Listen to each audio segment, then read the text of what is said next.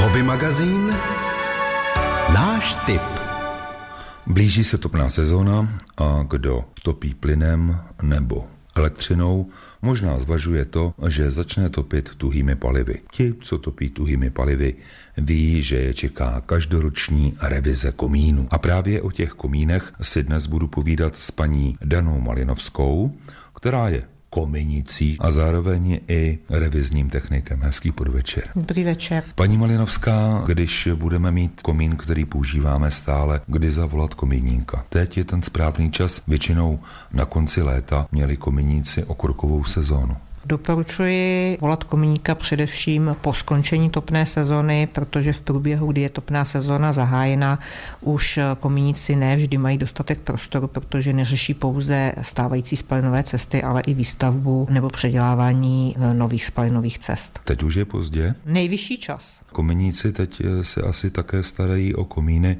které se nepoužívaly a u kterých jejich majitelé přišli na to, že mohou ušetřit tím, že si pořídí krbová kamna anebo kotel. Ve své podstatě je úplně jedno, jestli, když si zavoláte komíníka, chcete prohlídnout funkční nebo potenciální spalinovou cestu. Tak by mě měl říci, jaká ty kamna mohou mít výkon, abych ten komín, dejme tomu, nerozpálil, anebo aby to hořelo v pohodě? Komíník vám úplně nedokáže říct, jestli se jedná o vhodná kamna pro váš objekt, to byste měli mít skonzultovaný třeba s projektantem nebo s někým, kdo dokáže dělat výpočty spalinových cest, pokud máte třeba teplovodní spotřebič, tak optimálně s topenářem, s kamnářem a komíník by měl, nebo revizní technik, dokázat určit, zda je spotřebič vhodný pro tu spalenou cestu, kterou vy tam máte. Aby se vám nestalo, že máte komínovou vložku z hliníku, původně určenou pro atmosférický plynový spotřebič a vy se rozhodnete, že když ten komín už vyvložkovaný je, tak tam zapojíte pevná paliva protože hliník ty teploty určitě nevydrží. Víte, já jsem si myslel, že když si pozvu komeníka a řeknu mu, koupím si krbovky, dejme tomu 8 kW výkonu, tak on mi řekne, ano, ten komín je slabý, anebo je dostatečně silný. Takhle úplně to nefunguje, protože vy můžete mít 8 kW spotřebič, který bude mít dostatečně vysokou teplotu spalin a bude mu vyhovovat 90% komínů a můžete mít 20 kW spotřebič, který bude mít nízkou teplotu spalin a bude vám to ve své podstatě kondenzovat a dechtovat, i když tam budete mít keramiku. A proč to bude kondenzovat a dechtovat, když budu mít dostatečný přívod čerstvého vzduchu? Dodržování emisních limitů, pro které se se rozhodli naši zákonodárci po vstupu do Evropské unie, tak vlastně snížení emisí znamená snížení teploty spalin. Dřív bývalo standardní, že klasická kamna Petry měly na spalinovém hrdle teplotu spalin 320 až 350 stupňů Celsia. Dneska, když si kupujete kamna krvová, tak výrobci jsou schopní deklarovat 180 až 220 stupňů na spalinovém hrdle. Takže základní fyzikální vlastnost je, že teplý vzduch stoupá vzhůru. Pokud nemáte teplotu spalin, tak ty spaliny určitě samovolně nahoru nepůjdou. Když to přeženu, tak já si koupím v uvozovkách ekologická kamna a zadechtuji si komín. Pokud si kupujete ekologická kamna, tam to úplně problém být nemusíš. Spíš bych teď reagovala na eko kotle, kdy pokud nemáte spaliny hnaný ventilátorem, tak samozřejmě dochází k tomu, že ten komín se zadechtuje. Funguje to tak, že jsou výrobci, který u kotlů na uhlí hnědé uvádějí teplotu spalin 112 stupňů Celsia na spalinovém hrdle, ale teplota pro kondenzaci a tvorbu dechtu u hnědého uhlí je 124. Takže už v základu jim 12 stupňů chybí. To znamená, že pokud nemají ventilátor, aby ty spaliny dostaly ven jinak, tak v daném okamžiku ten komín musí kondenzovat. A ten samý výrobce má v technických parametrech napsáno požadavek na kondenzaci ne. Víte, já to nechápu. Koupím si ekologický výrobek a pak budu mít problém s komínem. Ano, proto by každý člověk předtím, než si pořídí spotřebič, měl zvážit, jaký, a konzultovat to s odborníkem. Pokud budete chtít kotel na pevný paliva, určitě byste se neměl kouknout z okna a říct, tenhle se mi líbí. ale měl byste se obrátit na topenáře, kamnáře, odborníka, který vám řekne, že pro vaši topnou soustavu při tepelných ztrátách objektu tolik a tolik kilowatt byste měl mít takový a takový kotel. Začnu takovou tou klasickou českou představou, ano, koupím si ekologická kamna, ty spaliny budou nízké, komín bude dechtovat, takže udělám to, že tam vybůrám ty bříčky, kvůli kterým jsou ty spaliny přísné, ono to bude hořet a vlk se nažral, koza zůstala celá. Ve své podstatě spousta lidí a bohužel i výrobců tady k těmto fintám se odklonuje. Zažila jsem výrobce, který, když jsem jim řekla, že paní má zadechtovaný komín od jejich kotle, mi řekli, my tam přijedeme, vyndáme brzdiče, tlumiče, deflektory a zvedne se teplota spalin o 30 až 50 stupňů a problém je vyřešený. Takže emisní třídu 5 degradují na emisní třídu 3 ale to vlastně ve své podstatě oficiálně se nikdy už potom neřeší, protože na ty kotle následně nechodí nikdo, kdo by kontroloval tu funkčnost toho, že to je dodržovaný. Český rozhlas Plzeň, rádio vašeho kraje. Za paní Danou Malinovskou, která je kominicí a také revizním technikem, jsem přišel pro rady pro posluchače, kteří si chtějí pořídit spotřebiče na tuhá paliva, aby ušetřili za plyn a elektřinu. Už jsme se dozvěděli, že eko není vždy eko, že ekologické spaliny nám mohou zadechtovat komín, ale pojďme se, paní Malinovská, podívat na ty komíny. Já jsem si dřív myslel, že podle šíře toho komína se instaluje výkon kamen, tedy čím širší komín, tím do toho můžu pustit větší výkon. Je to tak? Bohužel s váma ani v tomto ohledu úplně v současné době nebudu souhlasit. Čím je nižší teplota spalin, tak když máte široký komín, nízká teplota spalin, spaliny vám vlezou do velkého průměru komínu, rozpliznou se a nahoru nejdou. Komín bude mokrat, dechtovat. Když nedokážete dostat spaliny nahoru teplotou, musíte je dostat tu rychlost jinak. To znamená, zužujou se ty průměry těch komínů. Ve své podstatě přijde zákazník, já mu zaměřím jeho stávající komín, zeptám se ho, co chce za spotřebič, přijdu domů, sednu k počítači, spočítám spalinovou cestu, to znamená zjistím výkon kamen, teplotu spalin, hmotnostní průtok, obsah COčka ve spalinách a spočítám optimální spalinovou cestu, která vychází. Ve směs dneska řeknu tři čtvrtě kamen na pevná paliva vychází v průměru 150 až 160 mm. Dřív bývávaly normálně naprosto běžným rozměrem komíny 200, bohužel komíny po průměru 200 mm dnes na spoustu spotřebičů nevyhovují. Já mám například starou chalupu, tam je komín takzvaný průlézák, jak mi řekl cechmistr plzeňských kominíků Zdeněk Řáha, že tam kominík musí vlézt a vyčistit do ručně, ale do toho komína vedou kouřovody ze tří místností. Z kuchyně, z obýváku a z pokoje. V obýváku tam mám krbová kamna, která mají 24 kW výkon s tím, že jdou 17 kW do vody a zbytek do místnosti a v těch ostatních místnostech to už záleží na mě, že si můžu přitápět. Tam je to v pořádku? Naši předkové dřív věděli, jak ty komíny postavit, protože měli kamna, kde neřešili emise. Když eh, řeknu na rovinu, běžnou věcí je, že do průlezového komínu dneska posíláme dvě, tři komínové vložky, aby každý ten spotřebič měl svoji vlastní spalinovou cestu. Protože když budete v tom velkém průlezovém komínu topit jedním spotřebičem na pevná paliva s nízkou teplotou spalin, tak ten komín de facto v úvozovkách zničíte.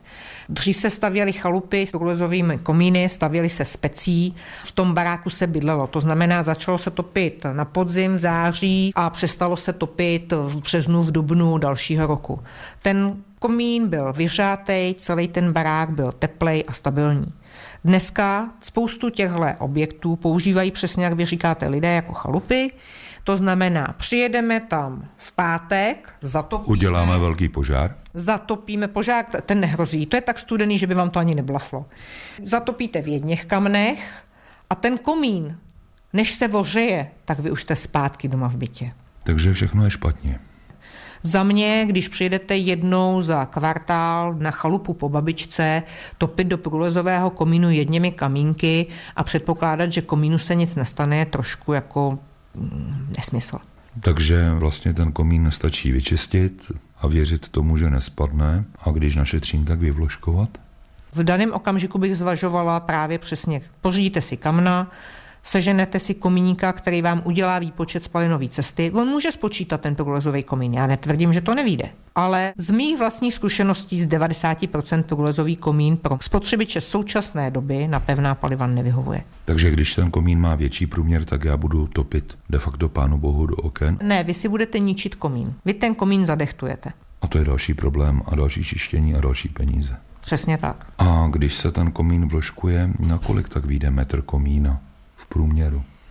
Já vám to takhle nepovím. Každá firma má jinou cenu. Ne, to chápu. Ne. Spíš je to otázka toho komínu, protože můžete mít průlezový komín, kam hodíte komínovou vložku úplně bez problémů, přikryjete to nahoře krycím plechem, aby se ty spaliny v těch komínových vložkách neochlazovaly zbytečně. A vyjde vás metr, dejme tomu třeba na 2200 s vložkováním s prací. Ale pokud budete mít komín, který bude třeba 15 na 15 a budete tam potřebovat do toho dostat komínovou vložku o průměru 160, 170, 180 mm, tak ten komín musíte vyfrezovat a rázem jsme třeba na 4 tisících. Tak to jsou hezké vyhlídky. Bohužel, ale nic jiného se s tím dělat nedá. Vy, jak se dívám tady u vás doma, topíte kamny klasickými? Když byste srovnala u svého rodinného domku elektřinu, plyn a klasické topení, počítalo jste to někdy? Ne. A na kolik vás vyjde v průměru topení? Já jsem to takhle úplně nikdy fakt nepočítala. Mám elektřinu zhruba pro celý dům, nevím kolik, protože tady nemám plyn, mám tu tepelný čerpadlo, v kombinaci teda s lokálním spotřebičem na pevná paliva. Za rok jestli tady v těch kamínkách spálím možná dva kubíky dříví a elektřina pro celý dům, ale včetně vaření všeho, tak mě vyjde kolem 28 pro čtyřčlenou domácnost. Každopádně já mám ten spotřebič i jako sporák na vaření, takže my v tom máme s dětmi další koníček, což znamená kuchyni. Já to na něm vidím, taková husička. Ano, přesně tak. Štrudlíček. Hobby magazín Chalupářské okénko Elektřina jde prudce nahoru, plyn také a proto mnozí z nás uvažujeme na topení pevnými palivy. Krbová kamna jsou vhodným doplňkem interiéru, ozdobí, svítí a hřejí. A když si krbová kamna koupíme, potřebujeme také dřevo. Ale jak u toho dřeva poznáme, že je správně vyschlé a že místo topení nebudeme zadechtovávat komín, tak to nám prozradí pan Martin Šesták, který provozuje kamna krby topení v Plzni. Dobrý den. Dobrý den. Pane Šestáku, koupíme si dříví, když ho seženeme už za dvoj až trojnásobné ceny. Můžeme si koupit kulatinu, štípané, kdy ho můžeme dát do kamen, aby splnilo svou povinnost. Krásně nás ohřál. Důležitým faktorem pro používání dřeva při hoření v kamnech nebo krbech je důležité, aby bylo dostatečně vyschlé. Jak poznám, že je vyschlé? Z pragmatické zkušenosti vychází to, že před dvěma lety, než zatopíte, byste měli porazit strom nařezat ho podle požadované délky do kamen a nechat ho důkladně vyschnout na slunem, větraném a krytém místě. To se hezky řekne, ale před dvěma lety jsme nevěděli, že elektřina bude stát tolik, co stojí dnes a plyn také. To máte pravdu. V ten moment je důležité se obrátit na zkušené distributory dřeva, který vám doporučí minimálně rok odstáté dřevo. Doporučit může, může ho také mít a nemusí, ale může nám prodat právě to mokré. Na první pohled vidíte, jak to dřevo vypadá. Z pravidla už jenom ze zkušenosti, když vezmete suchý metrový kus a mokrý metrový kus, prostě poznáte, že obsahuje vodu, to znamená, že je těžší. Další věc, můžete použít techniku, v současné době se prodávají vlhkoměry na dřevo, kterými se dá změřit percentuální vlhkost toho dřeva. A když zjistím, že to dříví je vlhké, jiné nemaje, topit, netopit, toť otázka. Toť otázka. Nedoporučujeme jednoznačně vlhké dřevo, má to nekalý vliv na dobré hoření. Ale kde sehnat to suché? Což to kombinovat? Mokré dřevo a dřevěné brikety. V současné době se hojně používá při různých výrobách dřevěné bednění a různé obaly dřevěné, které se dají i využívat. V ten moment využíváte ekonomicky a ekologicky, že spalujete již zpracované dřevo, které díky tomu provozu odstátí na sluných místech, na větraných místech, má nižší vlhkost toho daného dřeva. Vy kam na krby prodáváte už léta. Jaká je účinnost mokrého dříví a suchého? Samozřejmě vlhké dřevo daleko hůř hoří, zanáší se tím sklo, zanáší se tím kouřová cesta, komplikujete si jednoznačně život a komplikujete si tím i topení. Takže takové to táto, krásně nám to hoří a pomalu není to správné ořechové. Není to správné ořechové, mokré dříví patří do udírny, ale ne rozhodně do kamenu. Letos topit minimálně mokrým dřevem a počkat si na příští rok. Je důležité umět topit při startech, topíme s pravidla měkčím dřívím, aby se to rozhořelo, pak je tam třeba dávat to tvrdší na delší prodlevy při přikládání. A když to budeme kombinovat s těmi dřevěnými briketami, pomůže to alespoň trošku? Mokré dříví, dřevěné brikety. Dřevěné brikety jsou vhodné po delším zapálení, kdy je v topeništi vytvořen dostatečný uhlíkový základ a dřevěné brikety jsou zpracovaný odpad z pravidla z vysušeného dřeva. Hobby magazín zaujalo nás. Nové testy oken a dveří právě v těchto dnech zrealizoval Institut zdravého bydlení. A o co se v testu jednalo především? O to, aby dveře těsnili a tlumili a okna také, protože doma chceme mít ticho, klid, pokud zrovna nepořádáme bujarý večírek, anebo posloucháme koncert a také se ty dveře vyplatí, když máme více dětí, zavřít je do dětského pokojíku a alespoň si na uši na chvilku odpočinout. Jak testy dopadly, tak to nám teď řekne Tomáš Sisel. Hezký podvečer. Dobrý podvečer, pane redaktore. Pane Sisle, čím začneme? Okny a nebo dveřny? Navrhoval bych sem, aby jsme si začali povídat o interiérových dveřích, protože jsou to dveře, které pravděpodobně každodenně dostáváme do ruky, každodenně do nich vkládáme ty naše naděje, aby výskající děti a hučení elektrospotřebičů, aby utlumili ty jejich zvuky a my jsme si mohli v klidu odpočinout, buď to v obývacím pokoji, anebo v nějaké pracovně. Tam si myslím, že bychom si mohli popovídat o tom, jaká je skutečnost na tom trhu. Výborně. Když budu kupovat dveře, tak si říkám, čím silnější materiál, tím lépe tlumí. Je to opravdu tak? Je to opravdu tak, celá akustika, tak jak se o ní bavíme, a budeme se bavit teď o interiérových dveřích, to znamená, jsou tu všechny dveře mezi pokoji, nejsou to ty vstupní vchodové dveře, tak tady ty dveře mezi pokoji jsou vlastně vždycky nejslabším článkem té celé konstrukce.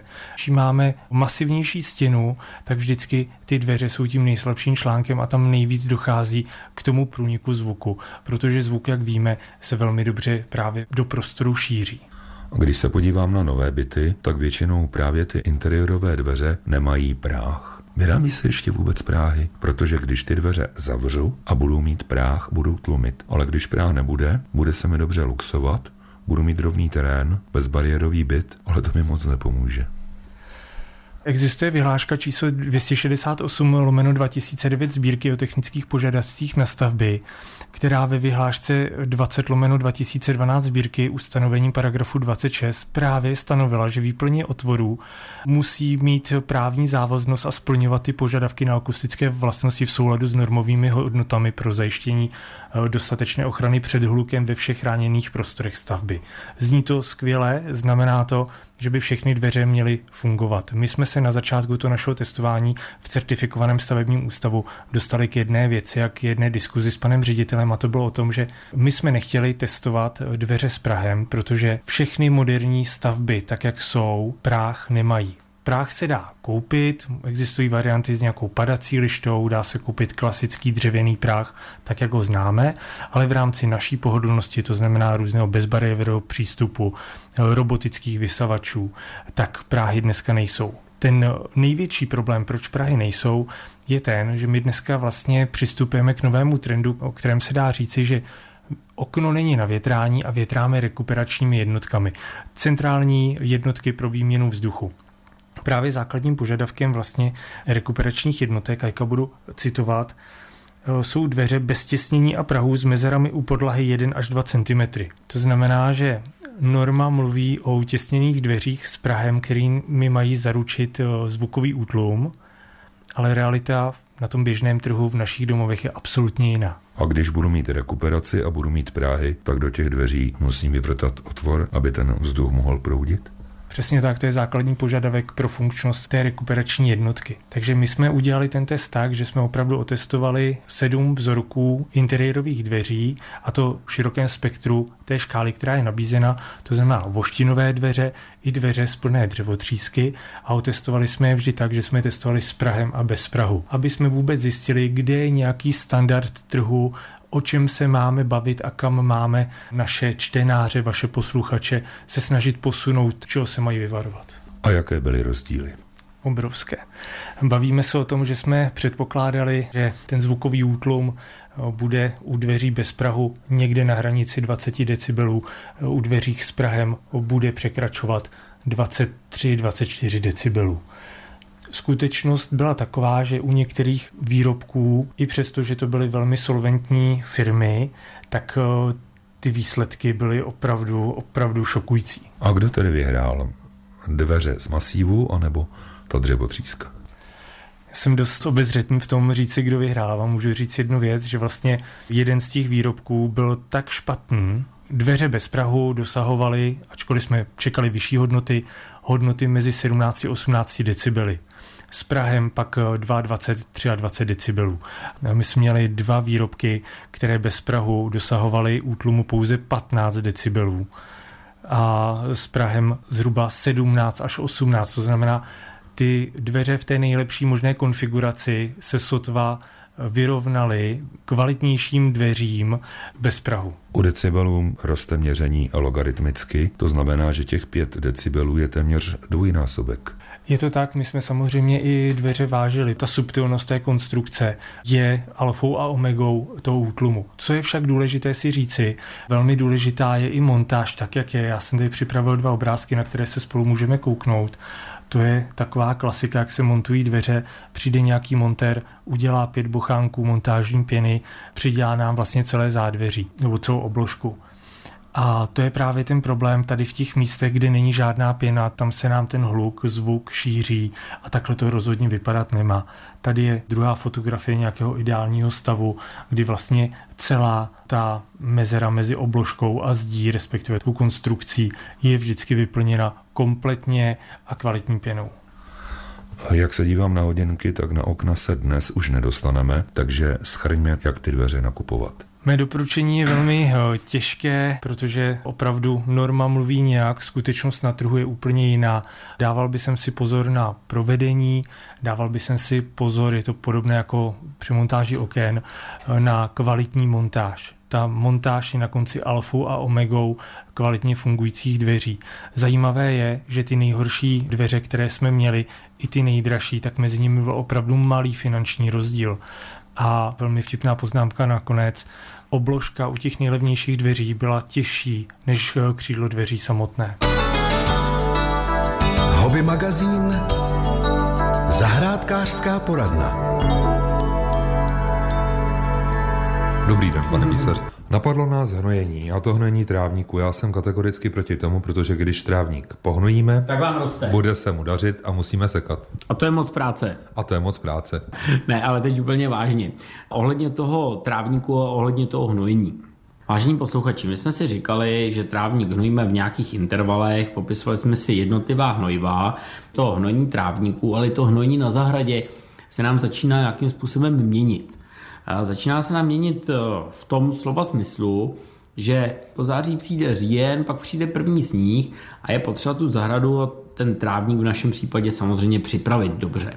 Takže je potřeba v tom hnojivu omezit obsah toho dusíku, to zná ty klasické hnojiva, co se používají teď, a vy byste měli vědět, že poslední hnojení trávníku takovým tím klasickým hnojivem, které používáte od jara, by se mělo udát někdy v polovině srpna plus minus týden třeba. A po této době vy už těmi hnojivy přestanete hnojit a budete používat hnojiva, která mají v obchodní názvu napsáno třeba podzim, anebo jsou to taková, která mají snížený obsah dusíku a vyšší obsah draslíku. Jestli pak si pamatujete, proč to tak má být. Protože nepodporujeme růst, ale jde nám to do síly. Přesně, no vy začínáte být odborníkem. Já jsem myslel, že vám poradím nějaké ty superfosfáty. Ne, superfosfát ne. Fosfát tam je jaký prvek? Tam jich je třeba fosfor, Možná i něco jiného. Ne, my nebudeme podporovat reprodukční orgány ani kvetení, lození. My prostě budeme vědět, že koncem prázdnin naposledy pohnojíme v podstatě klasickým konvenčním hnojivem a potom už hnojíme nějakým hnojivem, který právě nám ten trávník na ten podzim připraví. Takže je potřeba si tohleto dobře zapamatovat, protože tady se dělá častá chyba. Když to totiž neuděláte, a to platí o všech rostlinách, nejenom o trávníku, tak ty rostliny déle rostou, pak si v podstatě nevšimnou toho, že se blíží zima a že by ty letorosty, ta tráva, ta větvička, ten keř, že by měl vyzrát, aby se připravil na zimu. On roste, roste, roste, pak nám nestačí vyzrát, namrzá nám nebo dochází k nějakému poškození, na jaře nám do těch prasklinek, které tam vzniknou, zase lítnou choroby, škuci a my stříkáme a je to takový nesmyslný boj. Takže, vážení posluchači, teď se blíží ta doba, kdy během krátkého okamžiku, nějakých řekněme 14 dnů, byste měli aplikovat už právě hnojiva, které ty rostliny na ten podzim začnou připravovat. Takže to je velmi důležité. Posloucháte Český rozhlas Plzeň, rádio vašeho kraje.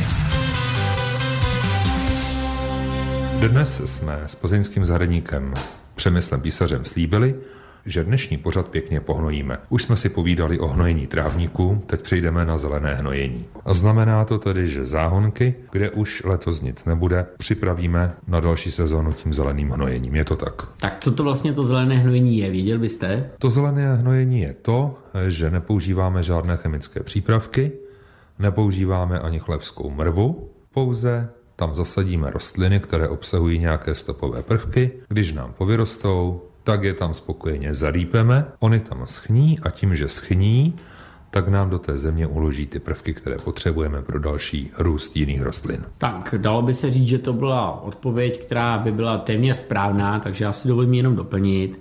Jedná se v podstatě o to, že ta půda samozřejmě obsahuje nějaké živiny, ale taky obsahuje nějaký rostlinný podíl, kterému se říká humus.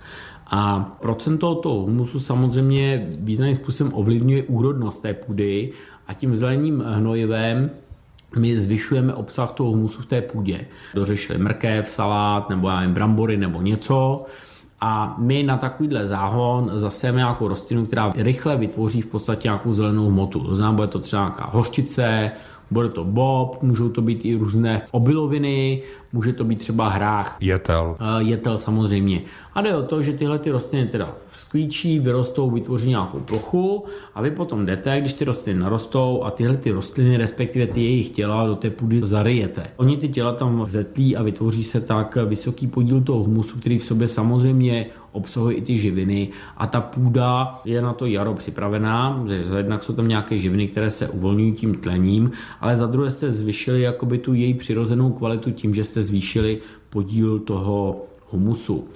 No a u toho času na to zelené hnojení moc není, to znamená v době, kdy z těch vašich zahradek eh, začnou mizet ty plodiny a ty zahrádky budou prázdné, tak to je nejlepší doba právě na to zelené hnojení a ta se, řekněme, od druhé poloviny prázdnin někdy do konce září v podstatě označuje za tu správnou pro to, abyste tu aplikaci provedli a proto jsme se o tom dneska povídali. Protože potom už je zima, ty rostliny musí vyrůst do jaké výšky 10 cm?